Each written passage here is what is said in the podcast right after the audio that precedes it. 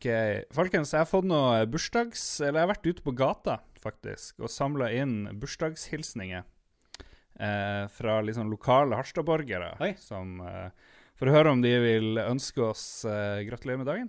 Så tenkte jeg kan spille dem, og så, og så kan dere få gjette eh, hvem det er. Også, muligens, hvis dere vil. Den første er ganske lett, da. I'm Lady Gaga, and I would like to wish you a happy birthday. Ja, den var lett. Den var litt. Happy birthday to you. Come on! Happy birthday Adam to Sandler. you. Have a great day. Eh, eh, også en Harstad-væring. Happy birthday to you. Det er Litt mer vanskelig. Happy birthday to you. Happy birthday, dear you.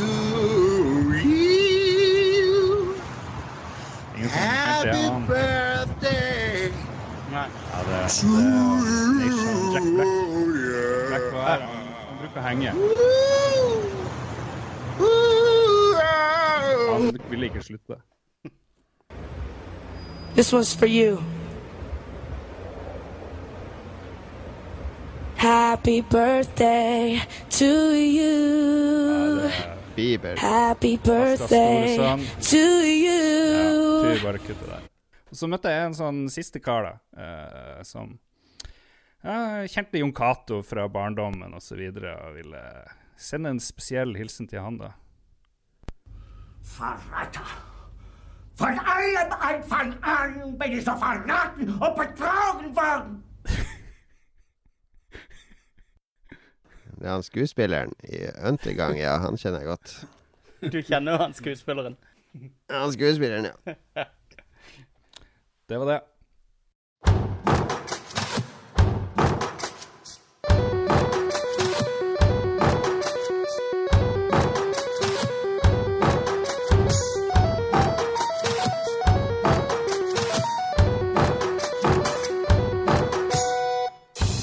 Takk for det. Velkommen til eh, Lolbua episode 150. Den store jubileumsepisoden. Og 150 er omtrent like mange sekunder vi har brukt på å forberede den store jubileumsepisoden. Sånn eh, rent presis. Nei, velkommen skal du være, kjære lytter. Vi har runda 150 episoder. Det er litt kult tallet 150, fordi det betyr noe for alle oss tre. Eh, forskjellige ting da For, for meg så 150 er jo, eh, det er jo Det er jo nøyaktig det samme som IQ-en min, så det, det stemmer jo på en prikk. Og så er det jo høyden til Magnus, 150 sankt, så det, det, det er et viktig tall for Magnus òg. Og så er det jo Lars, 150 kilo, Olsen, som, eh, som det også stemmer på en prikk. Så et viktig tall for alle oss tre. Velkommen skal du være, kjære lytter. Hello, hello, Hallo. partytime. Partytime. Partytime. Yes, vi har hatt en del tekniske problemer i forkant av, av eh, denne sendinga, takket være et kommunikasjonsprogram som begynner på S og slutter på Kype. Uh, så, eh, men uh, vi, jeg, jeg sverger at jeg aldri skal bruke det. Men jeg, jeg ringer på telefon neste gang, i stedet for å sitte i 40 minutter og prøve å, å debugge Skype. Eller du kan begynne å forberede deg, Jon, og så sitte 40 minutter før sending. Ja, men da kan du komme opp og så bruke to timer på å legge to barn, rett, eh, så du klarer ti minutter før sending. Det kan Ja, du det gjøre. Avtale. tekst. Vi er i gang på anklager og unnskyldninger. Det er en avtale. Jeg kommer opp og legger barna dine før neste sending, eh, Jon Cato. Yes, det blir bra. Jeg skal ta opp på video, så lytterne kan få se. Uh, I tillegg så kom jeg fra USA for uh, 20 For 30 timer siden. Mm. Så jeg er, uh, Er rimelig trøtt. Så det er perfekt å sitte og prate mannskitt nå i sikkert to timer med mine Ah, venner. yeah. Ah, yeah.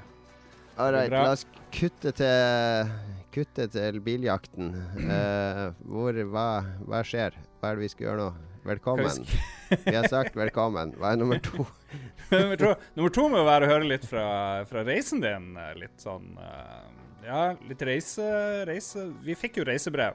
Veldig, veldig bra.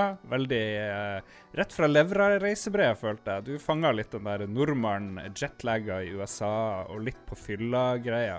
Eh, skal, sk- veldig opptatt av å handle ting. Du var handla der eh, cowboybootsen din, og ja, en teknisk dings.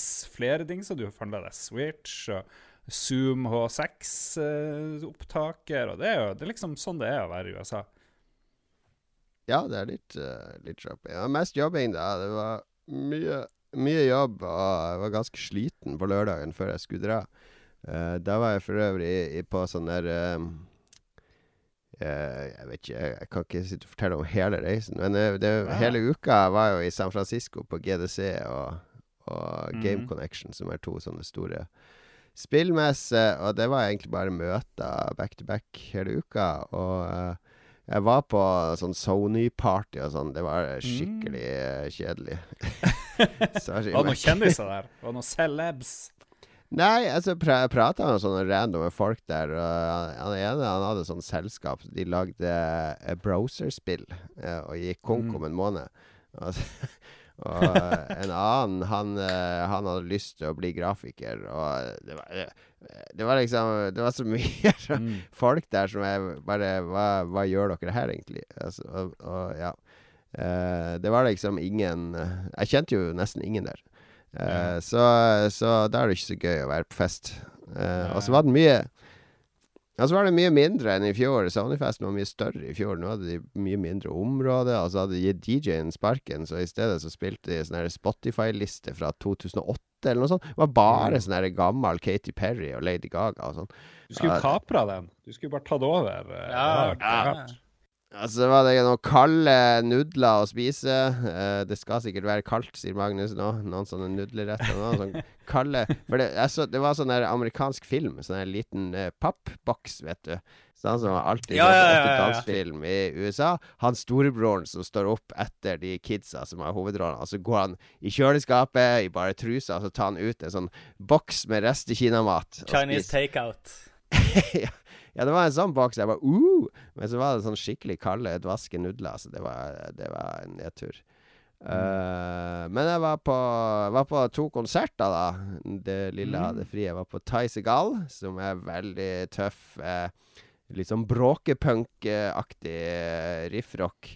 Eh, det er den høyeste konserten jeg har vært på. Jeg hadde, altså volumet Sånn i centimeter. Nei, ja, det og Jeg hadde på meg mine boots, så jeg var jo rekordhøy. Men, men det var det, han, spilte så jævlig høyt. Jeg sto midt i salen rett foran miksebordet, det holdt jeg ut i tre låter. Så måtte jeg gå helt bakerst og stille meg. Og selv der så hadde jeg tinnitus i to dager etterpå.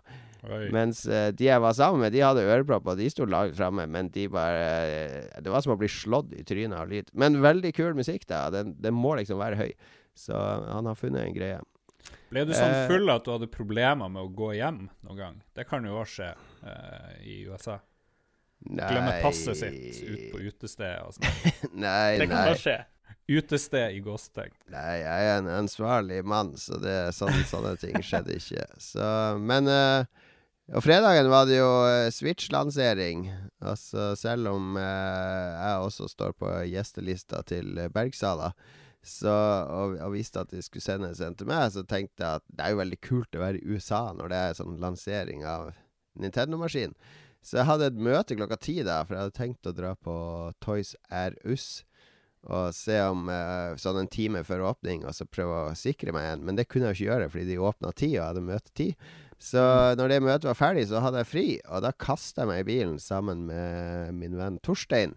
For han ville også ha en uh, Switch. Og så kjørte vi selvfølgelig vekk fra San Francisco, for alle de eh, gamerbesøkene hadde jo støvsugd byen for Switch. Eh, Så vi kjørte over til Oak Oakland, Uh, og så uh, ringte vi til en Toys R Us der, og bare Man, they went in like ten minutes, man. Ten minutes. Eh, og så, ok, så kjørte vi på In and Out og tok en burger mens vi la en plan. Vi, planen var å kjøre sør, sør, sør, sør, og så over broa helt sør i San Francisco, og så nord, nord, nord, nord. Altså bare stoppe på alt av Walmart og Toys R Us på veien. Men så var det en Target rett attmed In and Out, så vi, vi, vi sjekker den, tenkte vi. Så gikk vi inn der. Uh, Og der sa en dude uh, I don't know. It's not I, I don't know anything about that. You have to talk to her. Og så gikk vi bort til dama, og så hun bare Are you crazy? They waited like five minutes! I said, OK, we're gonna look, drive further south and look. Så, oh, good luck with that! You ain't gonna find nothing! I så der No way, man! Og så, og så kom vi tilbake til han duden, og da hadde han ringt til eh, Target i Hayward, som er, eh, ja, er kvarter unna. En sånn suburb til Oakland. Og han bare yeah. I just talked to the guy at Hayward. He said they had a bunch. altså, vi bare Hæ? A bunch? Are you sure? Yeah, they have a bunch. you should get over there. Og det er jo, vi speeda nedover motorveien i 150 km i timen. Bare så for oss i hodet sånn her eh, Sånn der eh, suburb eh, bortfallen Target der ingen har råd til å kjøpe Switch, og, og der de står bak kassa og ikke vet hva de har for noe. Så vi kasta oss inn på parkeringsplassen, løp inn, og, og så var selvfølgelig verdens største Target òg, da, med masse bleie og drit og lort. Så fant vi endelig elektronikkavdelinga, og der sto det en latinodude og kjøpte en Switch. Vi bare 'Å nei, det er sikkert den siste'. Kommer vi frem der, og så ser vi bak kassa, så har de en hel handlevogn full av Switch. De hadde 22 Switch på lager. Oi, og oi, og alt av ekstrautstyr. Eh, men så var det maks én per kunde, der, for jeg hadde tenkt å kjøpe med til en annen ansatt. Da. Men uh, det ordna seg. Om det var veldig spennende å dra på en sånn quest, da, og føle på litt den der eh, launch-dag-feberen, ikke sant, som man kan bli litt plassert på når man bare sitter hjemme og venter på pakker fra leverandører. Skal vi, skal vi fortsette med, med USA-stories, eller skal vi gå i gang med den store bursdagsfeiringa? Vi har jo mye mye Starten var jo bare en smakebit på alt vi har gjort klart her i dag. Ja. Eh, Jeg, jeg vet ikke om jeg har så mye mer stories. På lørdagen etter GDC Jeg var jo en dag ekstra. Det var, det var fordi uh, Da var det Da dro jeg opp til Fairfax, California. Jeg vet ikke om noen av dere har vært der. Det er en ganske liten by. Men det er uh, Det er en bitte liten by. Men det er, det er sånn der uh, byen Den minner deg om alle Steven Spielberg-filmer du så på 80-tallet. Eh, det er bare sånne liberale familier, og alle husene ser ut som hus fra, fra eh, Strange Things, eller hva den heter. Ja, ja, ja. Og de gamle Spielberg-filmene. Med sånne ting som henger på terrassen og ja, alt. Det var som å gå inn i her, der, eh, en 80-tallsfilm, hele byen. Og den hovedgata er Den er litt sånn hippifisert, den byen der, men rike hippier. Så, så det er liksom uh, bare sånne lokale butikker og utrolig sjarmerende by. Men det er jo der uh, vår eh, tidligere gjest, avdøde gjest, uh, Jory Prøm, han bodde jo der. Han lydmannen som jobba i, i både Lucas Arts og for Jim Henson og, og flere andre steder. Vi har hatt han som gjest. Det har vi. Ja, vi hadde han som gjest på en, på en, en eh, Anime Gameplay-episode. Og han døde jo i fjor på GDC og ble eh, kjørt En bil som rygga ut foran han når han kjørte motorsykkel. Og han døde av skadene etter det. Og oppe i Fairfax så har de via GoFundMe så har foreldrene og noen i byen der De har fått oppretta en sånn minnebenk til han da i den lille parken. Så det var sånn innvielse av den benken, og vi var jo en sånn 14-15 nordmenn der oppe. Eh, som hadde tatt turen opp, og flere av vennene til Jory fra Fairfax. Og, og det var noen fra Telltale Games og et par sånne voice actors som han har jobba med fra Walking Dead og sånn. Så det var, var sånn minnestund der alle gikk fram og leverte noen historier. Og, og det var veldig fint, da. Når jeg dør, vil jeg ha en minnesofa. Du skal få en krakk. eh, Krakk til minne om Lars. Ja, ja. Men det får være nok eh, USA. Vi må fortsette å feire. Det kan ikke bare være meg, meg, meg hele tida. Selv om jeg ikke var med i forrige Men du er jo den eneste som har gjort noe spennende her, da. Det er jo det. Du er den eneste interessante akkurat nå Ja. eh, i skrivende stund, eh, Jon Cato. Så vi må jo prøve å melke dette for eh, hva det er er verdt. sånn hver, hver episode Det blir så mye pressure. Hver episode må jeg levere de spennende anekdotene. og Ok, de, ok. eh, Nok med Jon Cato. Nok med Jon Cato. Vi gjør som du bruker å si. Musikk, musikk, musikk. いつも通りのある日のこと君は突然立ち上がり言った。今夜星を見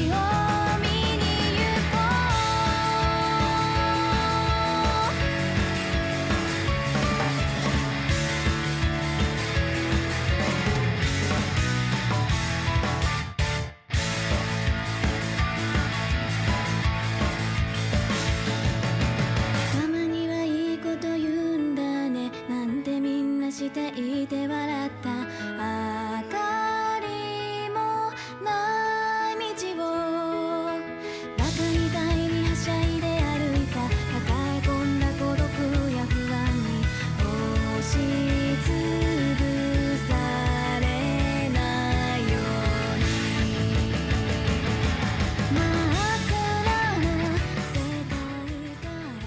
feirer 150 episoder av podkaster. Vi har, jeg ser vi har uniform i dag. Svarte T-skjorte all around. Eh, Magnus med en uh, herlig Mastodon-skjorte. Ja, det var godt spotta. er jo det svenske dansebandet Mastodon, er det ikke det? Yes, riktig. Mastodon.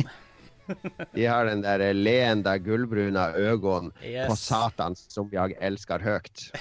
Korrekt. Eh, Lars han kjører full eh, Full det, det, det blir ikke mer ironi enn å ha Obama Hope-T-skjorta og Make America Great Again-caps på samtidig. Det må være toppen av ironi slash idioti. Eh, Stryk det som ikke passer. Eh, jeg kjører en T-skjorte eh, fra Det var egentlig en T-skjorte som Magnus ville rappe Rappe etter forrige quiz, men nå har jeg rappa den. Oh.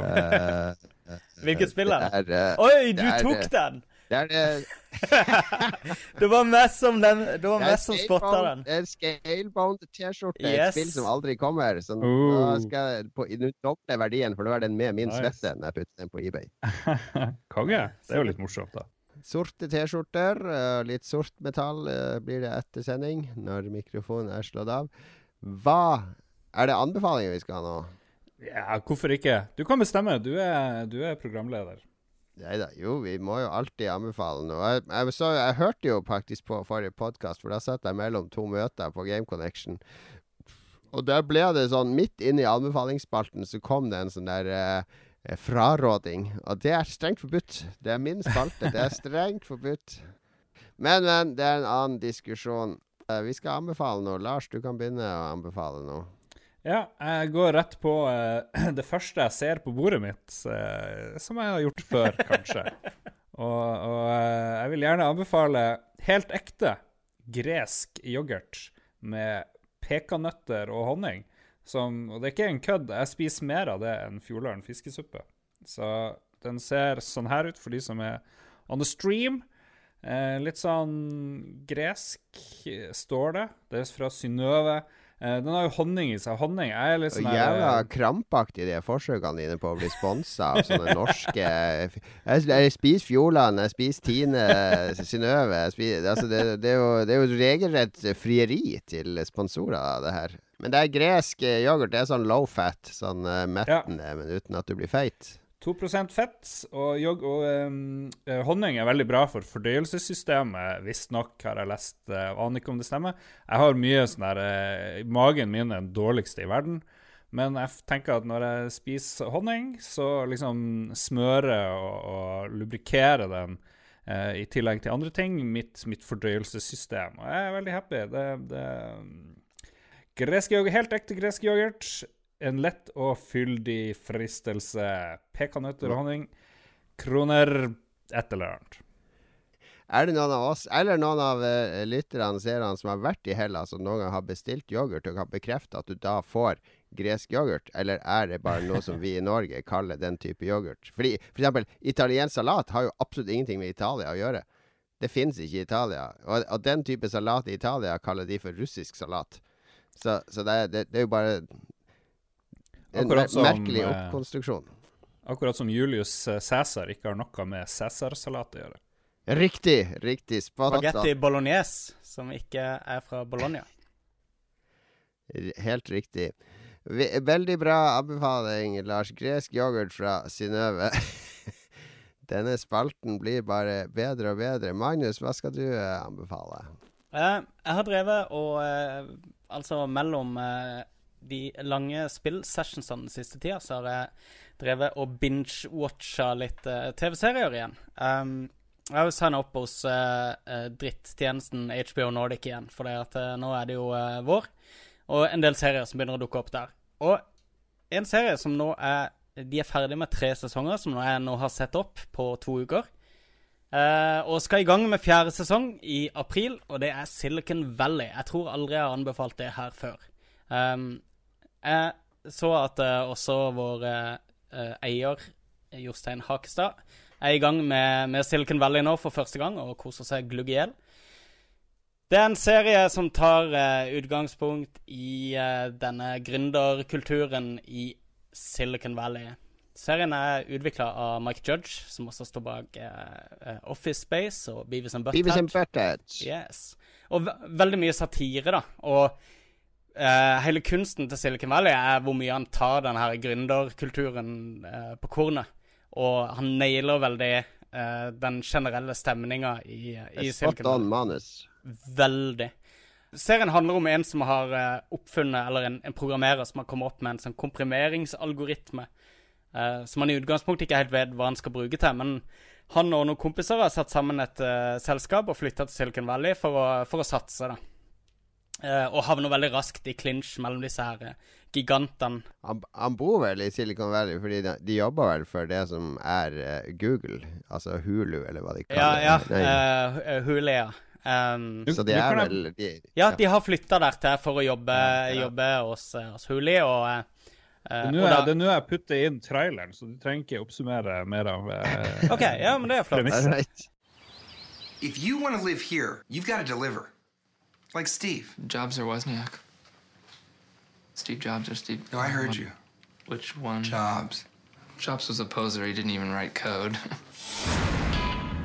Silicon Valley is the cradle of innovation. Your compression algorithm blew our engineering team away. We have the resources to take what you have done to the global level. I'm prepared to give you $200,000. 600,000 for 10% of your company. 10 million. We had a guy in here in almost the exact same situation. Take the money or keep the company. He shot himself because he turned down the money. Yeah. Or no, no, he took the money. Or no. I, no, he did not. I don't, you know what? I don't remember. But whatever it was, he regretted it so much that he ended up shooting himself and now he's blind. For thousands of years, guys like us have gotten the shit kicked out of us. Get the fuck out of here. What if we built our own company? Ultimately, what we're trying to do is, uh, well, I guess. You remind me of my son. He's got Asperger's too. Oh, oh no, I don't. What do you Ja, nei, men det er, en, eh, det er en veldig morsom serie. Mike Judge, alt han har laga, er vel morsomt. Han er ofte spot on i alle miljøer. Han, han, er, han er faktisk eh, Han, han nailer det. Og så har han jo med seg sånne som eh, Hva er han heter? Eh, han Star. Richard Star, er det han heter? Han som eh, du har kjørt bil med, Lars. Um, Ma Martin Starr heter han. Martin Starr, Ja, ja, ja. som, som spiller i Freaks and Geeks, som han er Ja, ja, ja. übernerden, og uh, Han er jo sånn eh, satanist i Silicon. Riktig. um, altså, men så han kuleste er jo han der eh, Han huseieren i det huset de sitter i. TJ Han Miller. hår. TJ Miller. som Han er jo fantastisk. Han som har hatt en liten suksess, og som bare lever på den nå. Yes. When I saw my company, Aviato, Og hele tida snakker om et sånt selskap som han starta for lenge siden, som heter Aviato. A little more about me. Uh, I the founder of Aviato. when I sold Aviato, Richard, take Aviato. That's not a name that I found. It's a name that found me. Something that you can scream out during intercourse. Like Aviato. Uh, som selvfølgelig var bare dritt. Og, eh, og han hadde en sånn derre Hva er det helt for noe sånn herre uh, Inkubator. Inkubator heter Inkubator, det. ja, riktig. Eh, Det som er så kult med serien, er at uh, denne, denne her startupen med, med disse programmererne eh, De blir kjørt veldig gjennom hele den der mølla som du forbinder med gründerkulturene. De, de henger med ikke sant, sånne 18-åringer som er milliardærer, og folk har så mye penger at de ikke aner hva de skal bruke til. Alle er fulle av bullshit, og ingen snakker ærlig, og alle har helt sånn tullete interesser. Veldig smart, veldig spot on syn, i hvert fall på gründere. Bra anbefaling. Jeg skal, jeg skal bryte mine egne regler, nå, fordi på flyturene til og fra USA så så jeg fem filmer, tror jeg, uh, som jeg pløyde igjennom. Og det var eh, eh, Jeg så en sånn hevnfilm med Mel Gibson, eh, der dattera hans er i trøbbel med noen sånn mafiafolk. Som jeg likte, jeg syntes var helt fin, selv om den var helt sånn rett på video-type film. Og så så jeg den der sci-fi-filmen 'Arrival', som var gørr kjedelig. Og så så eh, den der eh, eh, Strange, som var Dr. Drit. Nei, det, så- seriøst! Du kan ikke se den på flyet. Og så så er det film jeg ikke husker, så den kan ikke ha vært særlig bra. Men den jeg skal anbefale!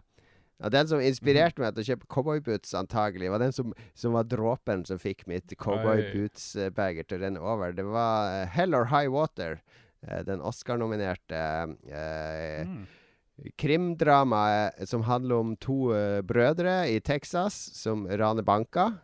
Uh, og så er det da han uh, selveste Big Lebowski, han Jeff eh, Bridges, som er en Mm. gammel sheriff rett før pensjon, og hans partner, som er sånn eh, indianer-meksikaner, som eh, er på sporet av, av disse eh, bandittene. Veldig, veldig bra film. Utrolig vakker. film. Selv på fly, så på den lille skjermen, så så jeg hvor vakkert den var filma, og hvor fine omgivelser, og hvor fin eh, kutt og, og, og, og hva heter det, scenografi eh, Cinematografi og alt det der.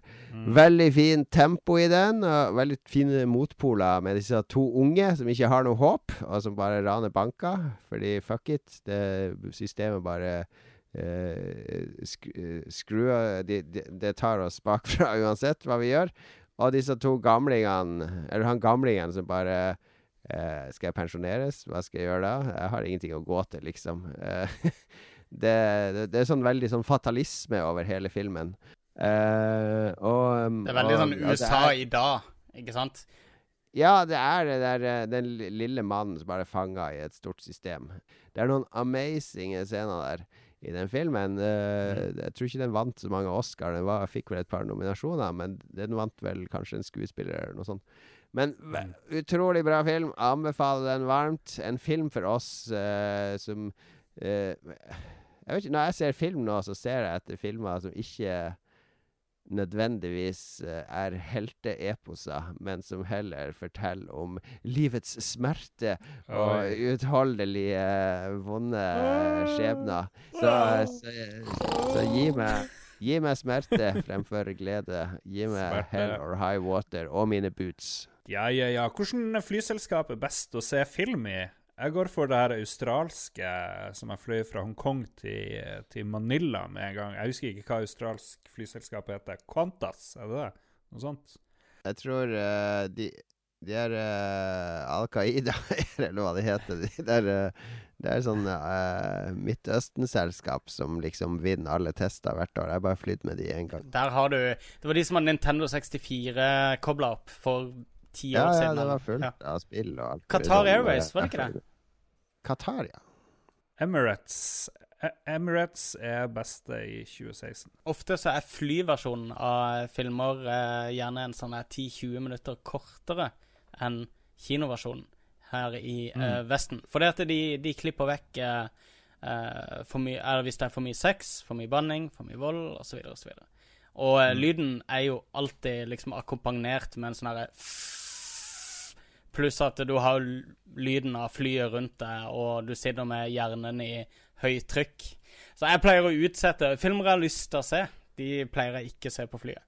Filmer jeg kan sovne til, de ser jeg på flyet. Det er min Jeg regel. har sett, eh, jeg har sett The Devil's, Devil Wears Prada to ganger på flytur. Det er min favorittflyfilm. Jeg ser åssen det kan være en flyfilm. Jeg har ikke sett den ennå, men den ville jeg sett på flyet. Jeg ser like mange filmer på én sånn tur-retur til USA som jeg gjør eh, på et halvt år her hjemme, så jeg er veldig fornøyd med å se filmer på fly. Det er bursdagssending. Som dere hører, så har vi forberedt masse masse spennende. Det kommer rett etter den her pausen. Follow that car. Hey, follow that limo. This is a chase, okay? Wherever it goes, you go. You're not moving. This is the opposite of chasing. 俾錢點同你開車啊？ 没钱呢。I will slap you if you don't move this car。I'm slapping。I'm slapping。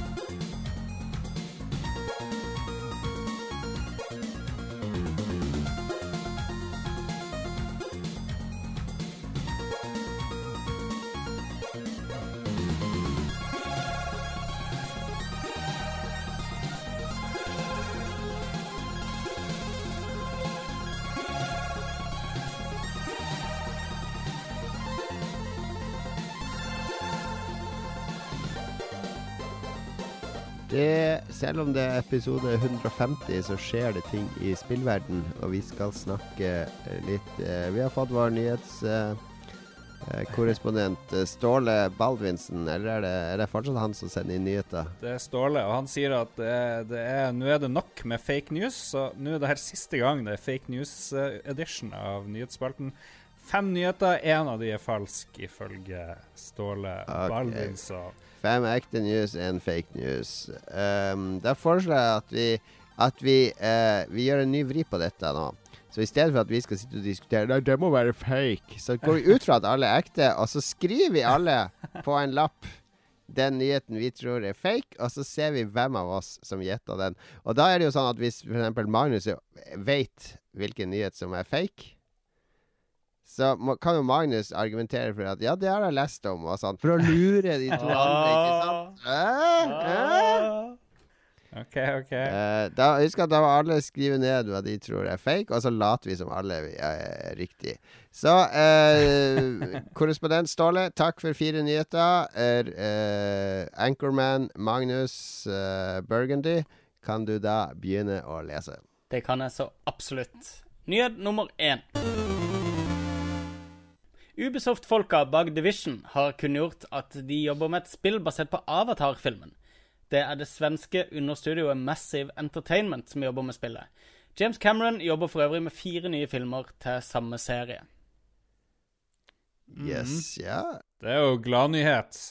Har ikke vært noe Avatar-spill? Det har vel vært sånn CGI Ja. Det kom et spill sammen med, sammen med filmen, og jeg husker de hypa det spillet så sykt. Ja, ja. Akkurat som filmen er next gen-teknologi, så er spillet også next gen-spill. Men, men det er jo en veldig sånn eh, Jeg tenker på eksempel eh, Horizon Zero Dawn er jo en veldig sånn verden som passer Som godt kunne tilpasses til et avatarspill hvis alle figurene hadde vært blå i stedet. Så hadde det jo vært basically avatar. ja, det er 100% avatar. Ja. Så, så det er jo et univers som passer, da. Så Jeg leste samme nyheten, og det er, det er jo kommet noen screenshots, så det ser veldig bra ut. Jeg tror de henter noe fra den der film 2, fra Avatar-tingen. det ville jo vært naturlig. Nyhet nummer to. Nintendo har gjemt en hyggelig beskjed i Pro-kontrolleren sin. Hvis man trekker høyre stikken nedover, vil man kunne lese meldinga 'Thanks to all game fans'. Trekker man ned venstre spake, kan man lese MP4. Flere steder hevder, hevdes dette at det kan hinte til et nytt uannonsert spill, nemlig Metroid Prime 4. Jeg prøvde å lese den beskjeden, jeg så ikke en drit. Nei, den, den, prospaken har en sånn der eh, halvveis gjennomsiktig eh, deksel. Så hvis du holder den i riktig lys, så kan du liksom se inn på kretskortet sånn svakt under, og, uh, og masse tall og ting. Og så er det hvis du holder nede spaken, så skal det komme en sånn hemmelig beskjed. Thanks to all game fans. På den uh, kula som, du, som den spaken er festa på, tror jeg. Så, men uh, ja, det er jo sånn De har jo lagt inn den uh, beskjeden. Jeg leste jo om det. Men om, om MP4 betyr Metroid Prime 4, det er jo Det er jo eh, Hver gang Valve nevner tretall, så begynner jo folk å tolke vilt. For det er jo andre Det er jo andre bokstaver jeg har sett her òg. Det er jo sånne kretskortkoder og circuit på og chip-koder og sånn som kan leses hvis man går lengt inn. Så jeg vil tro det det bare er produkt i det, eller noe sånt. Så har de skrevet på Mm. baksida har de skrevet HDMI. Er det noen som har lagt merke til den? Uh, Easter egget på baksida? Nei, ok. Um, nyhet nummer tre. Xbox introduserer en ny tjeneste de kaller Xbox GamePass. Dette er en abonnementstjeneste som gir tilgang til over 100 spill. Spillene lastes ned til konsollen og kan kun spilles så lenge man har et aktivt medlemskap. Spillene man har lastet ned, vil man også kunne kjøpe for en rimeligere sum hvis man skulle velge å avslutte tjenesten. Ja. Um, det er jo basically at uh, Microsoft uh, tar en Electronic Arts, men som veldig mange spår, uh, så gjør de det mye mer riktig enn det EA har gjort med EA Access. De Mm.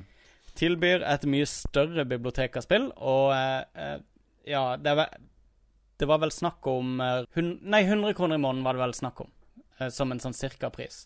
Og da skal du i begynnelsen få tilgang til rundt 100 spill, men det vil jo bli flere etter hvert. Jeg, jeg syns det er bra med sånn Netflix eh, for spill, eh, for så. Men det er ikke Det blir jo ikke Netflix for spill heller. Det er jo sånn her eh, Å, hva skal jeg spille i kveld? Ja, kanskje jeg skal spille Uncharted 4. Ja, tre timer senere. Jeg kan snart begynne å spille? Det er sånn Du må liksom planlegge spillkvelden. Det er ikke sånn uh, impuls, sånn som det er med Spotify og Netflix. Det er hm, la meg browse litt og se om det er noe jeg vil høre på eller se på sånn her og nå. Så Det er ikke like impulsivt, eh, annet enn indie-spill da, og mindre, mindre titler. Vi skulle ha cappa det at spillene må være under to gig, liksom.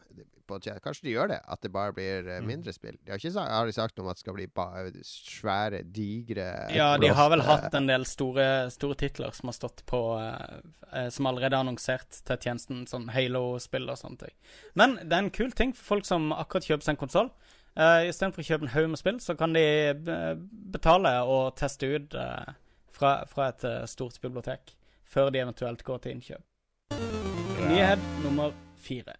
Nintendo anerkjenner nå problemer knytta til at spesielt venstre joycon uh, desynkroniserer seg. Eh, De har selv, eh, selv lagt ut ei liste over ting man kan forsøke å gjøre. Problemet er angivelig størst når konsollen står i dokken.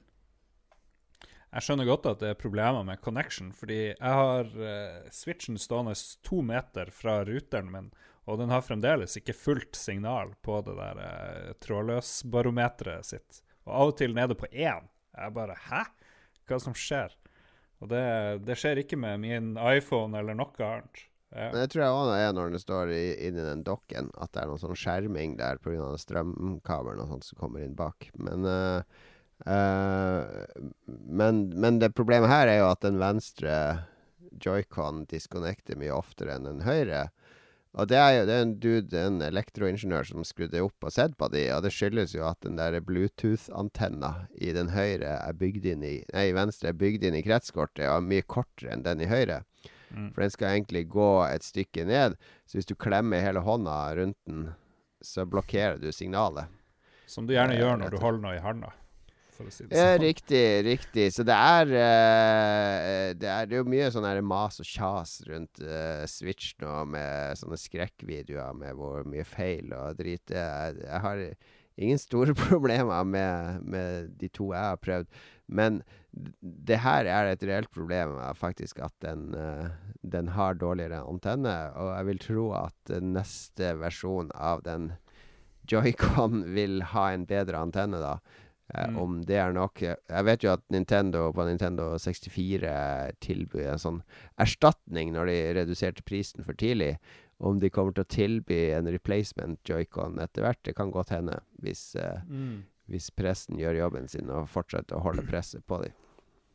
Det, jeg vet at uh, spesielt du, JC, blir irritert over folk som klager over uh, den nye Switchen, men jeg syns man har et lite poeng når den der joycon ikke fungerer, og man får skrapt opp eh, paden sin, selv om det ikke er på skjermen, da, så er det jo litt sånn annoying. Og at man ikke kan lade mens den står i den der standen. Jo, men det, er- det er jo ikke eldre enn at jeg husker tre år tilbake når PlayStation 4 kom, og det var ramaskrik på forum da òg, fordi det var en hel haug av de som var defekte og fikk gult lys og hvitt lys og hva det ikke var, og som bråkte som en eh, Min, min var jo så Mm. bråkete at jeg måtte levere den inn. Jeg, jeg, den bråkte jo mer enn en støvsuger. Men er det, ikke, Så- er det ikke korrekt å klage, da? Sånn at kanskje Nintendo gjør noe? Hvis man ikke Jo, klager, men så vil eh, jo ikke det er Nintendo gidde å gjøre noe. Jo, men på PlayStation òg så trodde alle at det der er helt krise, og sånn har drevet seg ut. Og så viser det seg at når tallene kom, at det var sånn 1% Ja. Altså, det, det tas jo ut av alle proporsjoner. Men jeg mener at hvis du ikke har pult, så kan du ikke uttale deg om uh, puling.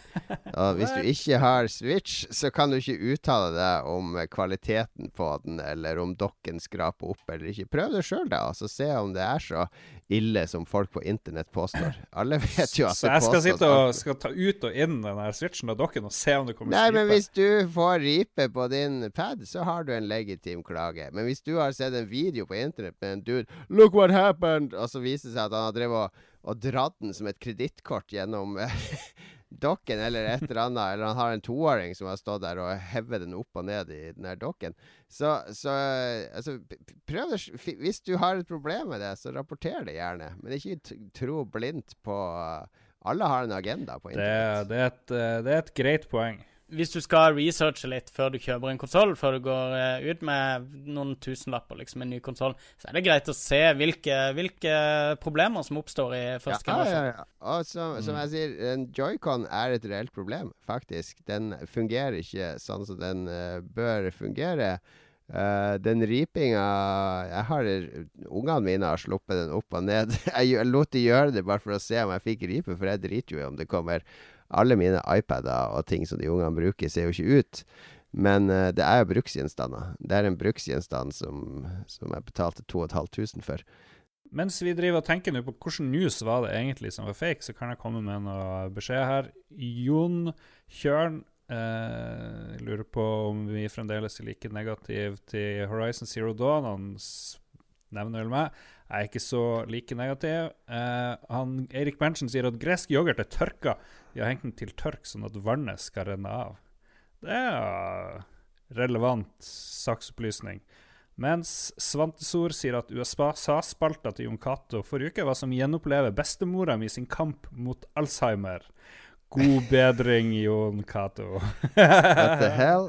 Hiv han ut av entourage hvis han er med. Ah, shit.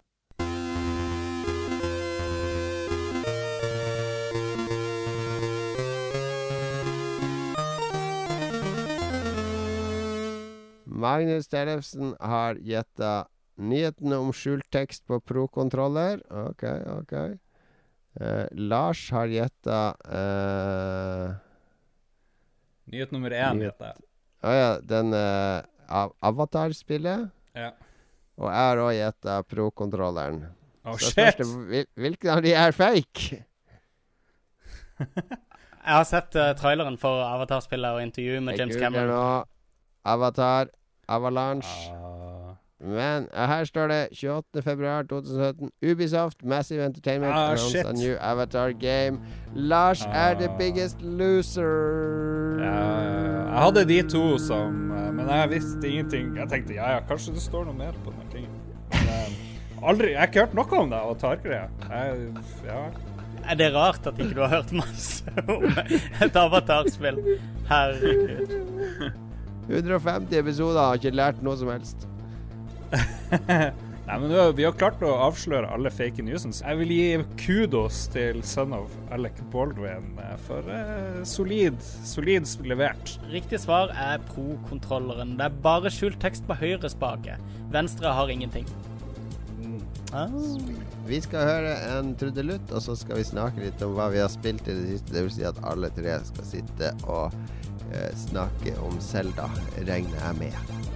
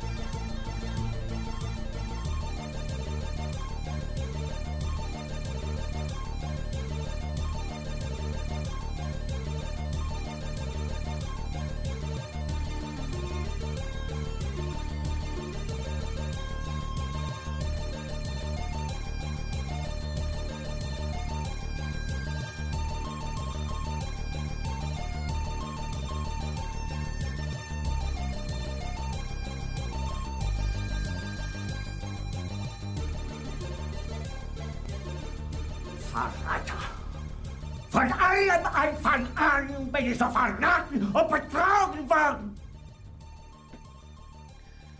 150 episoder med Hitler-referanser er unnagjort. tror om Lars klarer 150 til. Uh, time will show, eller som Hitler ville sagt Seit Wallen wiesen! Uh, vi skal snakke om hva vi har spilt i det siste. Uh, jeg fant ut at jeg er jo egentlig veldig god i tysk. For jeg, jeg sto og prata med noen tyskere på, på GDC. Altså alle setninger jeg skulle si Jeg snakker jo engelsk, da, men jeg fant ut at jeg kunne egentlig si alt på tysk. Oi. litt sånn tulleord innimellom, men jeg tror de hadde forstått meg. Klarte du å unngå å nevne krigen? Ja, jeg gjorde det, men det var et annet norsk eh, selskap der som de har uh, signa med en tysk publisher, og han eh, og Han eh, på, Han sa at uh, Påstod at han hadde lært all tysk han hadde lært, han hadde lært fra Der Runtegang. Så det var hans uh, tyskbok. Ah, nice. Men det er verre, verre sted å lære tysk enn i den filmen. Ja da. Vi skal snakke om uh, Zelda, eh, Breath of the Wild. Si Jeg har spilt minst, tipper jeg. Jeg har spilt de første en og en halv timene av Zelda Breath of the Wild to ganger, fordi jeg tok opp en eh, Jeg og Mats tok opp en Let's Play, og så fant jeg ut at jeg hadde glemt å sette på ett opptak, så jeg har kun lyd. Så det mulig blir en Let's Listen-sekvens etter sendinga i dag. Spennende. Ja. Så jeg har lyd og bilde på halvannen time, og kun lyd på halvannen time. Men eh, vi spilte det helt forskjellig de to gangene og oppdaga nye ting i det bitte lille området i nærheten av der du starter. Drev og holdt lenge på og prøvde å drepe oss med å få stein til å rulle over oss, hoppe utfor stup, hoppe utfor trær. og Det er morsomt å bare surre rundt i denne verden, egentlig, synes jeg. Ja, det er jo Altså, det, det er, ble vel syv-åtte år mellom hvert Zelda-spill. Det Forrige var Eller de store, da. Nå snakker vi ikke om de sidesporene. Eh, og de er jo uh, Forrige var jo Skyward Sword, som jeg likte veldig godt, men jeg vet mange ikke likte så godt. Før der igjen så var vel Twilight Princess, som jeg ikke likte veldig godt, men mange likte veldig godt. Før der igjen var Windwaker. Og så har du uh, Hva var det før der igjen? Det var, var ikke Ocarina. Hva med Majora's Mask? Hva med Majora's Mask? Ja, men det er sidespill. Det er en remix av Ocarina. Nei, var det det? Det er- ikke det et uh, Ja, det er ikke en del av Ah, hovedkanonen. Altså, før Ocarina så var det jo Link to the Pass, som jo var helt genialt, og så var det toeren og treeren, eneren på, på Nes. Altså, det har gått 30 år med ca. åtte Zelda-spill, så det er sånn seks år mellom hvert store Zelda-spill. Så det er jo et høydepunkt for mange. Og jeg må jo si, det her er jo det største høydepunktet. Det Det er nok eh, kanskje det beste Zelda-spillet ever, basert på sånn seks-syv timer med, med spilling, syns jeg, da. Det. Konge. For de, gjør, de bryter med farmeren på masse steder. De, de har crafting, de har uh, Uh, masse sånne mer RPG-elementer. De stjeler jo litt fra Monster Hunter med den matlaginga, som jeg syns er kjempekult. Det er bra. Hvor lenge har du spilt, Magnus? Jeg vet sannelig ikke. Jeg har i hvert fall 15 timer i det, vil jeg tro. Kanskje mer. Um, jeg tar to av Eller går du og surrer litt sånn hit og dit, sånn som jeg og Mats gjorde? Jeg gjør begge deler. Det er, det er det som er så kult med spillet. For det er, det er så utrolig mange lag på, på hva du kan drive med i det. Uh, jeg prøver å være kynisk. Jeg prøver å si nei, nå, nå For det, altså uten å spoile noe, så, så får du veldig raskt Så får du fire punkter på verdenskartet som du skal ta deg frem til, da, som liksom er hovedoppdragene dine veldig lenge i spillet. Eh, jeg har tatt to av disse. Og det å ta seg frem til de punktene der er et eh, adventure i seg sjøl. Du får veldig få ledetråder på hvor veien skal gå, og hvor du skal ta deg frem. Og eh, jeg tror jeg har tatt veldig omveier og veldig tungvinte jeg, jeg føler at jeg liksom på en måte har lurt meg frem til veldig mange av stedene. Jeg måtte sprinte gjennom områder som er ekstra farlige, og uh, fly og klatre masse for å finne veiene. Um, så, men på veien da til disse målene jeg setter litt sånn kynisk for meg sjøl Nei, nå må jeg pushe story. Sånn. Så er det alltid sånn Å, der er det et shrine opp til høyre. Kanskje jeg skal gå opp og ta det shrinet. Og inni det shrinet så er det jo en puzzle som er dritbra. Så blir jeg litt stuck i den puzzlen, og så får jeg eh, en sånn spirit-greie. Så bare, å, kanskje jeg kan oppgradere meg sjøl, få et hjerte til. Så drar jeg kanskje til en annen landsby, så gjør jeg noe underoppdrag der. Plutselig så har det gått fem timer uten at jeg egentlig har nærma meg det målet jeg satte for meg sjøl. Mm. Så det er et sånt spill hvor du automatisk, enten du vil det eller ikke, så stopper du opp og lukter på roser, altså. Og eh, det skjer veldig av seg sjøl. mens i andre spill så føler jeg valget hele tida står mellom story eller sidequests. Det er liksom de to tingene. Mens her, her så er det bare Det er, er veldig organisk.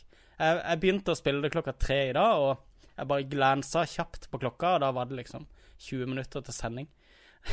så eh, ja. Veldig, veldig gøy, og det er veldig sånn Det er nesten ikke som at jeg spiller Selda, men at jeg driver med Selda.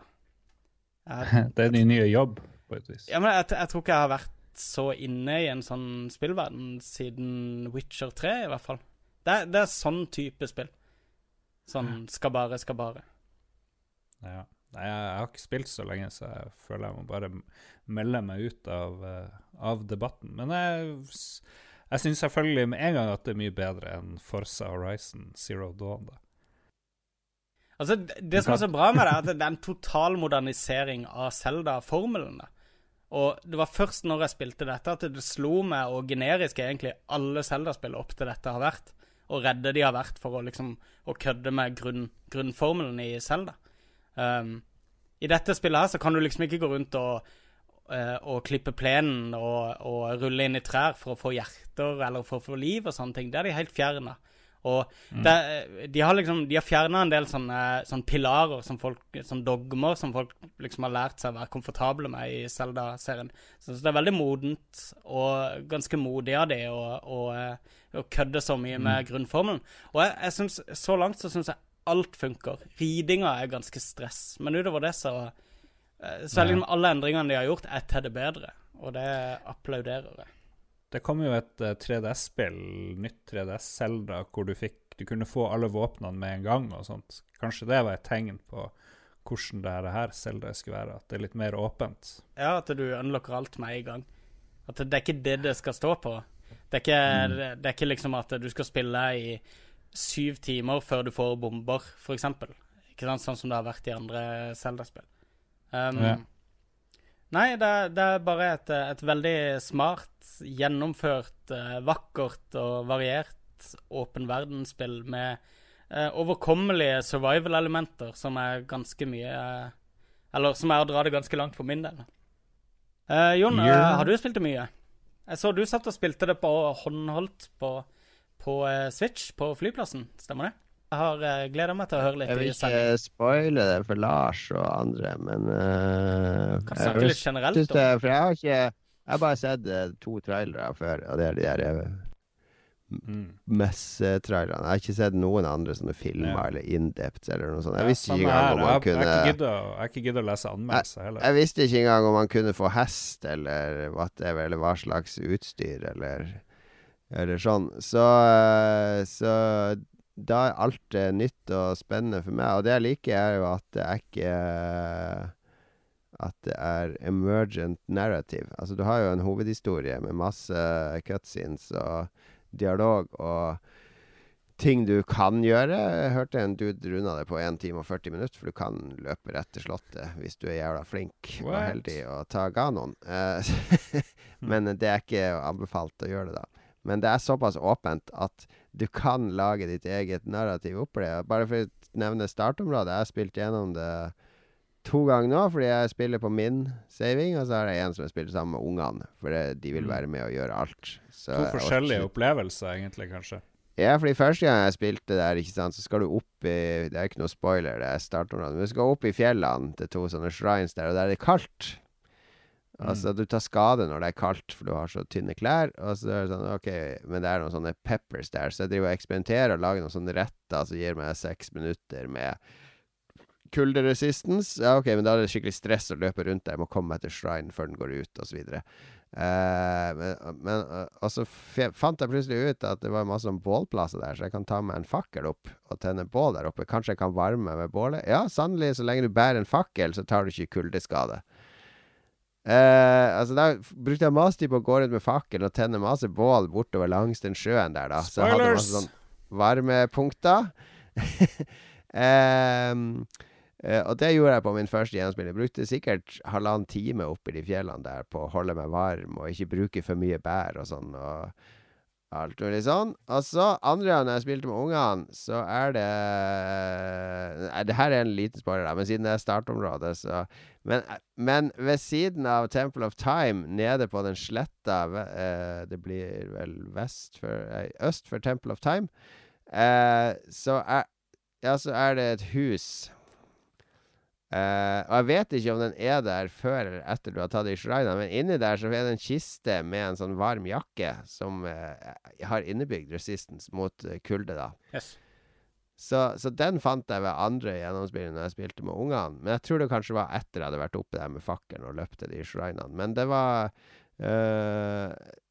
Det var liksom Det er min historie, det der med fakkelen og alt det der jeg gjorde der oppe. Det, det er liksom flere måter å gjøre ting på. Eh, å komme seg opp på fjell, eller ruter man kan ta. Eksempel når du skal møte han der duden oppe på taket av Temple of Time. Så jeg så ikke stigen, så jeg brukte jo sånn et kvarter på å klatre opp veggen og finne sånn OK, her klarer jeg å klatre opp til den avsatsen der, og så kan jeg hvile meg og få tilbake staminaen. så jeg får sånn klatra sånn Assassin's Creed-style opp. Og kom meg opp på taket på den veien, og så på andre gjennomspilling så ser jeg å, det er jo en stige der. Men, eh, men der eh, Det blir veldig personlig. Altså, når du tar Ganon til slutt, så Det jo bare så Lars satt og holdt seg i ørene. En annen ting som også er veldig kult ved spillet, er at det, det er noe å gjøre overalt. Altså, du kan Hvis du peker deg ut en hvilken som helst Hvis du ser at det, ja, ok, det går an å klatre oppover der, da er det noe i den retninga. Og sånn er hele den verden. Den er sjokkfull av ting å finne på. Ja. Veldig bra, veldig bra. Nei, det er bra spill. Har du lært å surfe på uh, skjoldet nå, Magnus? Nei, men jeg, jeg leste om det i dag, faktisk. Jeg har ikke, jeg har ikke testa det ut. Jeg prøvde det på tørt gress, men det fikk jeg ikke til. Er det noen som har spilt noe annet? eh, noen andre spill? Eh, noe, eh, du- spilte jo på, i Sverige på den preview-tingen, Jon. Har du, du har ikke prøvd noe annet? Nei, du har jo ikke Switch. Magnus. Jeg spilte, jeg spilte Snipperclips på jobb i dag med en eh, kollega. Det ser veldig bra ut. Det gjør det. Det er Sjarmerende veldig spill. koselig samarbeidsspill. Det blir ganske intimt når man må gå sammen og i samme hastighet og klippe litt i hverandre. Ja, for man begynner som en sånn firkant, og så skal man klippe hverandre til. Skifter man form, eller hva liksom er variasjonen? Ja, det er to sånne, u, eller sånne bolleforma vesener. Eh, Ja. Altså Hvis man overlapper hverandre og trykker på en knapp, så klipper man vekk den delen man overlapper fra den andre. Ja, Så så skal kan man klippe seg sjøl i ulike former. Ja, så man kan eh, eksempel klippe seg sjøl til en, en, eh, en U, og så kan man eh, slippe en ball oppi seg og bære den bort uten at den ramler ja. av når du har sånn flat topp. Eller man kan klippe seg sjøl til en pil, sånn at man kan stikke den pila inn i en sprekk og trykke på en knapp. Altså man må kombinere seg sjøl med, med Man kan kanskje stå oppå hverandre og bære noe i lag, eller skal Mm. løse ulike puzzles sammen, da. Som Ja. involverer koordinert bevegelse sammen, og at man klipper hverandre i riktige former. Det er veldig, Mm. veldig søtt og koselig. Litt enerverende musikk, men den kan man jo mute, bort. Nye Shovel Night uh, har jeg også prøvd. Den er jo Den kommet i sånn spesiell sånn Den er jo kun ute på Switch, tror jeg nå. Limited uh, Eller sånn Timed exclusive med Det er jo nye kampanjer i Shovel Knight. da Opprinnelig i Shovel Knight så er du bare han spadeknekten, mens nå er det to ekstra kampanjer der du er andre knekter og helt nye brett. Og helt nye De har andre moves enn han og sånn. Eh, den er også kjempebra. Tydelig at de har sånn nært samarbeid med Nintendo, og det er jo litt kult. Det er litt for vanskelig men for meg. Det er for mye gnøkk. Det er for mye Megaman, det, det spillet der. Men så, de har tydeligvis et nært samarbeid med Nintendo, men f.eks. en annen sånn der 8-16-bit-fyr, han Thomas Happ som lagde Axiom Verge, han fikk ikke være med en del av noe som helst. Så han fikk vel sin Switch eh, forrige uke, han òg, sånn som alle andre, tror jeg. Så de har vært litt restriktive med de her uh, dev-kittene, tror jeg. Ja, jeg tror det er de fleste indisk kan få det inn nå, hvis de har lyst til å lage Jeg tror det er mange som har lyst til å lage, fordi problemet med DS er at den har litt sånn rar arkitektur, og så er skjermene, selv på Excel, så er de ganske små. Den er ikke så behagelig å spille på, syns jeg. Mens den her har såpass stor skjerm at det er noe, noe jeg gjerne Altså, Shovel Knight føles helt perfekt på den skjermstørrelsen når den er bærbar. Uh, uh, Shovel Knight føles litt for stort når du spiller på 50-tommeren din i stua. Det er ikke Det er kult nok, men det, det egner seg veldig bra. Det er en veldig fin konsoll å ta med seg opp i senga eller på Men han, toget. han veier litt, ikke sant? For det er jo en hjemmekonsoll, dette. her. Det er en stasjonær konsoll også. Så uh... Jeg syns han er litt tung, det har jeg nevnt. Jeg synes det, ja, den er litt sånn Men du har jo en stand bakpå, en sånn eh, plastdings. Du kan liksom sette den fra deg på bordet eller på sofaen eller et eller annet, og så kan du dra av de her kontrollene. Så det er jo genialt. Det er jo veldig allsidig eh, konsoll, det er det jo. jeg stussa litt på at Nintendo egentlig fronta den måten å spille på mest, så det ut som. At du liksom setter fra deg konsollen og bruker den som en, en eh, separat skjerm, i stedet for at det liksom er en, en Gameboy. da. Um, Mm. Og den er ikke så god å holde i heller, syns jeg, egentlig. Jeg prøvde å legge den på magen, sånn som jeg gjør med alt jeg eier. Og, og jeg vet ikke, jeg fikk liksom ikke rette vinkel, men uh, nå har jeg bare hatt eh, prøvd den i halvannen dag, så L- Bruker du å ligge på, ligge på Bruker du å ligge på magen og spille? Legge den på magen. Jeg, jo, jeg er jo konstant, sånn som vi snakka om i forrige sending, jeg er jo konstant horisontal i sofaen. Så da vil den Ja, ja, ja. selvfølgelig hvile på min, min stadig ekspanderende vom. Ja, nei, jeg lå Jeg lå en del på senga i, i USA på morgenen og spilte og sånn, så jeg syns den egner seg veldig godt for å blir han varm når du Nei. noe Men hendene liksom, kan ikke gripe i noe. Du må liksom holde den litt sånn rart eh, i handa, syns jeg. Ja, du har jo en sånn vipp ut på de L og R-knappene oppe, da. Så det er en naturlig hvilepunkt. Ja, sånn som den der lista som er på Wii U-kontrolleren, da. Bare ikke forlenga. Ja, ja litt sånn. Den, er, den er veldig smart, den lista der. Det har slått meg nå når jeg har spilt uh, Zelda. At uh, den uh, holder liksom hele Det er ikke så stress å holde en så stor kontroller. Den, er, den Wii U-tingen er sykt mye mer komfortabel i hendene enn en Switch, vil jeg si.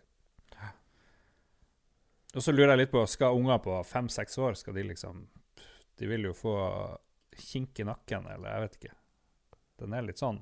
Den veier jo tre ganger så mye som en 3DS, sikkert. Ja, hvis de mister den i bakken, eh, hvor solid eh, føles eh, Switch kontra Gameboyer og DS-er og sånne ting?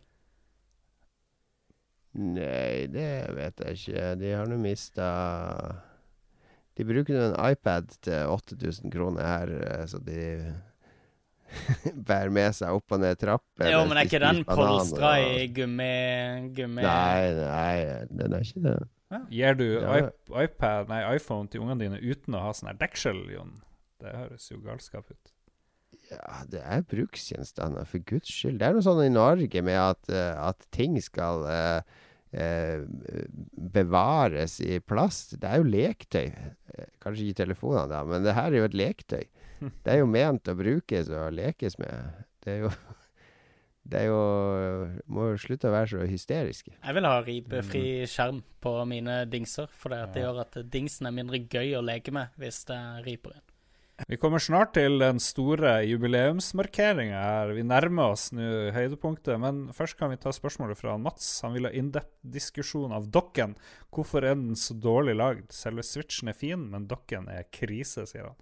Ja, litt ja, Den er flimsy. Den, er, den kjennes skittig ut. Det plastikk. Ja, veldig. Den er bullshit. Og så, ja, jeg vil si den virker litt skittig. Enig med Mats. Jon Cato er uenig. Vi kommer ikke lenger eh, enn det. Skal vi Er vi ferdig med Switch? Er det noe mer lurt vi skal si? Ja. Ferdig, ja? Litt sånn, Den kjennes veldig uferdig ut i, i når du er på menyer og sånne ting. Plutselig får jeg opp eh, Kikk gjennom ulike videoer, så er de plutselig på japansk og sånne ting. Det, det er litt rart. Eh, positiv ting er at du kan visstnok veldig lett gå i den japanske gamestoren, hvor det kanskje er andre lure ting. Jeg har ikke helt skjønt hvordan jeg gjør det. Mulig må kanskje lage en ny konto eller et eller annet sånt, men Giant Bomb uh, sa at det var trivielt. Trivielt enkelt. Yes. Skal vi gå videre? Vekk fra Skal vi switche vekk fra Switch, dere? Ja, Vi er jo på hva vi spilte i de siste spaltene. Har vi spilt noe annet? Jeg har spilt mer Horizon. Jeg klarer ikke å slutte, så jeg må liksom trekke tilbake litt av min kritikk. Jeg syns fremdeles at storyen er litt sånn shit, fordi alle jeg snakker med, ser ut til å si noe, og så dør de etter de har klart å si et eller annet viktig. Så det, det er mitt eh, Det er signalet på at eh, noe er ganske dårlig skrevet. Det er når tre, i hvert fall fem personer klarer å si et siste ord, og så dør de. Og så Det er som i Ja. realityshow. Idet du liksom Ja. får, får se den der hjemme hos og eh, personlig video fra en deltaker, så vet du at de blir stemt ut den episoden. Men, men jeg er likevel så hekta at jeg har lyst til å fullføre Horizon før jeg går ordentlig i gang med Zelda. Så jeg må vel, jeg må vel bare klappe igjen, egentlig, og si at det er et ganske bra spill. det er det. It is, det er så pretty. Jeg har begynt med fotomode, masse fotomode i øst og vest. Har sett på andre som har tatt bilder, og så har jeg funnet ut at oi, når du trekker tilbake buen og står i silhuett eller et eller annet, eller er i kamp med et monster, så kan du ta de awesome bildene. Jeg elsker fotomode i Forsa Forza Horizon. Vi skal ha den store avslutninga. Kom igjen, folkens. Nå kommer surprise-gjesten og musikken. Vi har, lagd, vi har spilt inn masse. Vent litt, vi har ikke tid. Vi må dessverre ta det her i neste uke. Beklager. Da var vi endelig ferdige her. Det er uh, håra bud å spille inn podkast dagen etter man kommer hjem fra Amerika. Men hva jeg ikke gjør for eh, alle våre lyttere, bortsett fra han ene duden som mente jeg hørtes ut som bestemora hans. Eh, alle bortsett fra han gjør jeg det derfor. Uh, da er det på tide å si ha det bra. Eh, vi er på Neste episode blir 151. Vi skal, vi skal jo ha Det her ble ikke noe stor jubileumsepisode. Det tror jeg du som eh, har holdt ut helt til nå, har skjønt. Men eh, vi skal jo ha en eller annen forsinka jubileumsepisode til våren, eh, sommeren en gang, når vi skal dra Lars ned for, eh, til Oslo og prøve å få til en liveinnspilling. Så vi håper så mange lyttere som mulig har lyst til å være med på det. Vi kommer til å annonsere det i- god tid i forveien. Og det blir, eh, det blir show. Magnus skal eh, synge og spille i en farse. Det er for så vidt en ny kategori i musikk kom, vi kom på i USA. Vi så på et av oppvarmingsbandene til Ty Segal. Og det minte meg om uh, Jeg definerte da en ny musikksjanger, nemlig farserock. Farserock? Ja, sånn blanding av farseteater og rock, der det er sånne rare kostymer, og de går inn og ut, og de finner ikke instrumentene sine. Ja. det, det, for det, var sånn Det kaoset på scenen, så bare, jeg bare Det her er jo, det er jo sånn farserock. Så det, det er min nye Det blir farserock på vår jubileumsepisode. Kan jeg love her og nå. Uansett, neste episode blir sikkert en helt ordinær episode, akkurat som denne episoden, så det er ingenting å glede seg til. Vi dukker opp enten du vil det eller ikke i feeden din. Altså Hvis du absolutt ikke vil det, så kan du unsubscribe, og så kan du gå inn på iTunes og gi oss en stjerne, og så får vi nok, så kanskje vi gir oss til slutt. Da hacker vi Nå er det Nå er det jetlagen som taler her, for nå er jeg lei av alt. Nå går jeg og tar livet av meg, så vi får se om jeg er med i neste episode. Ha det bra! Ha det!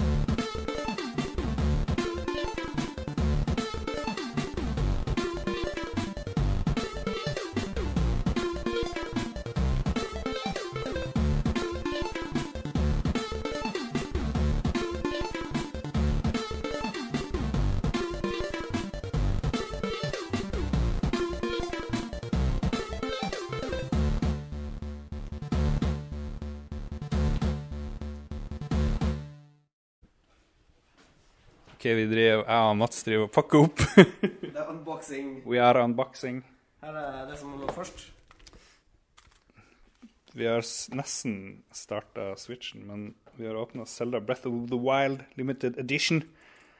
Følger med en CD. Sound Selection. En CD. Jeg har ikke CD-spiller. Jeg, jeg har jo Du har PlayStation? ja, Kan man spille musikk? Ja. PlayStation. Oh, yes. Ah, PlayStation shit. 2 var jo ganske bra eh, stereosystem. Hmm. See, De sier them. They say. Så drikkes det milk. Det var verdens største eske. Ah, voksen sak. Eject. Emergency. Skal du Å ja, er det? Statue? Jeg tror det er statue. Å, får bare få tak på den. Hvis du drar. Jeg holder den. Jesus Christ. That's a big, big boy. Og her har du Ichiban neste Zelda. Ashinemas. Nei, det, nei, er det samme språket? Ja. Master Sword of Resurrection. What? Nice. Det er åtte sanger. Main Sound- theme. Sound selection. Nei, det er 16. 24 sanger. What? Er det dobbel? Tenk at det kommer med en CD. Ja, det er jo magisk. I år 2017 spiller vi en CD. Nei, men det er nice. Jeg trodde det var sånt man fant på eh, bensinstasjoner. Ja. Eh, Shit, den er proper. Den er faen meg beskytta. Å nei, det er teip rundt denne òg. Jeg kan finne Se, en kniff. That's not a knife.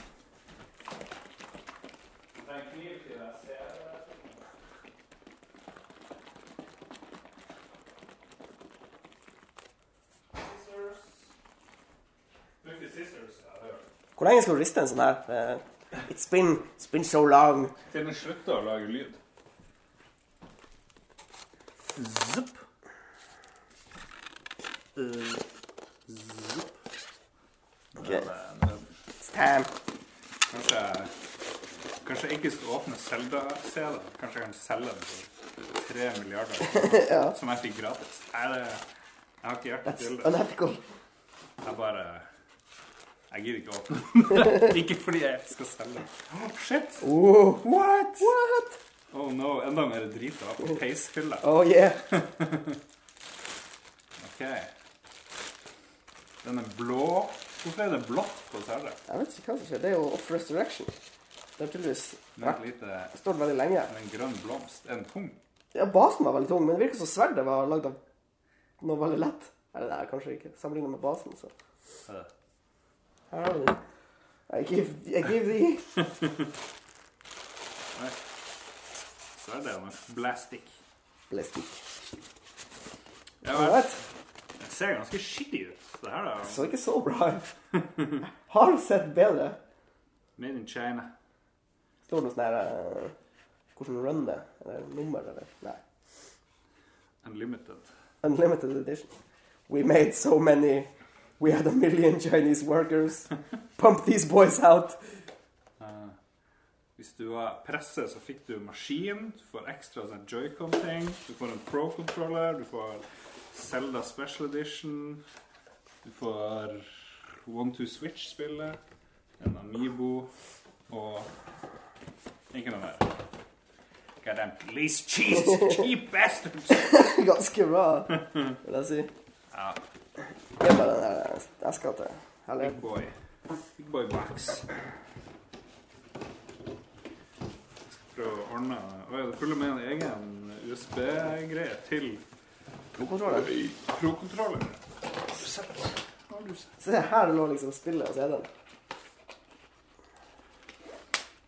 Jeg lurer på hvor mange USB-ladekabler de diverse har. Du har liggende rundt omkring. Shit. Jævlig mange. Og, og så er det sånn hemmelig beskjed, visstnok, nedi her, hvor det står noe sånn her 'For the gamers', men ah, ja. jeg tror du trenger sykt mye lys. Skal vi se, jeg skal finne frem lyset. Å, light. den, denne, var, denne likte jeg. Så drar den ned, så skal det stå noe på øversida inni der. Kan du se noe som helst? En secret message. Inni gropa. Ah, Jeg kommer til å bli så syk. Du kommer til å smitte meg så jævlig. Ja, men ikke det virus. Motherfucker. Klarer ikke å se, nei. Innsida av kanten. Bak der. Hva der? Skal vi se etter bildet. Ja, ok. Så jeg tar, prøver å ta bilde. Prøv, å lyse der. Og så tar jeg bilde Nei! Nei! Sorry. In the face! Jeg prøvde også å si det. OK. Tell me what you see, Clarice. Ser ingenting. Å, shit. Jeg Lurer på om det der er Å, hysj! Jo, vet du hva? Det står noe der. Du ser det omtrent der. Så ser du noen sånne små eh, luringer. Det jeg? Ja, ja, ja, ja. Eller jeg vet ikke. Jeg ser det. Eh, Eller jeg ser at det er noe der, men jeg klarer ikke å se at det står noe. Eller jeg vet da faen. Plutselig så du sånn tekst, så så du ut som fett fra fingrene. It could be both, I guess. Ja. Jeg bare begynner å hoste bare fordi du er i nærheten. av- ja. Dette lover bra. This is Dette er bullshit. straff, Lars. This is bullshit. Punishment. Ah, OK. Vi skal rigge opp eh, Let's Play-session her. Let's play. Eh, men vi må sette opp den her eh, PS Hva kan den hete? To små Nei, hva er det for noe? Den er ganske tung, eller litt sånn tung. Altså. Oi, ja, det er jo litt heft. Mm. Litt om, litt om lyngsen. Ja. Skal vi ha Awesome Extreme 2-4 eller Ta femmeren. femmeren? Eller vår svakere signal. Hvorfor er det svakere signal? Den har ja, jo jo kortere rekkevidde, men den er jo der. Ja, det er Hva er det som skjer? Ta 2-4, da. Det er jo flere, flest devices er kobla på femmeren. Så. Ja. Zup. Superhemmelig passord. Oh yeah. Connecting to internet. Welcome to the world, my sweet child. Har du, har du registrert sånn eh, Nintendo-brukernavn? Nei. Det må du gjøre. Så det blir jo successfully connected. Berlin. Connect to TV. Ja. Hvordan gjør jeg det? prøv å trykke. Hva skjer? Hvordan Du må ikke bare ha den på TV-en. Jo, jo, men det, jeg vet ikke. Jeg tror jeg blir å ha den mest i hendene. Å ja. Psycho. Connecting to TV. Connecting to TV. Use left stick. The next press A on the right controller. Use rear stand. Skal ikke jeg koble den til TV-en? What? Jeg gidder ikke å Jeg legger den på foten. Trygt på foten. next. Need following. Bla, bla, bla. Alt det her er i. Det er dokken. Show, plug, ja. Mot dokker. Det hadde vært kult hvis man kunne trådløst sende Ja, bilder streama. også. Ja. Men jeg tror ikke det That's not how it works. Ikke er så veldig forsiktig. Nothing. Var det fem som var på Som var den der eh, Der. Kanskje fire. Man boobs. Hey! Har du et enkeltpersonforetak eller en liten bedrift? Da er du sikkert lei av å høre meg snakke om hvor enkelt det er med kvitteringer og bilag i fiken, så vi eh, gir oss her, vi. Fordi vi liker enkelt. Fiken superenkelt regnskap.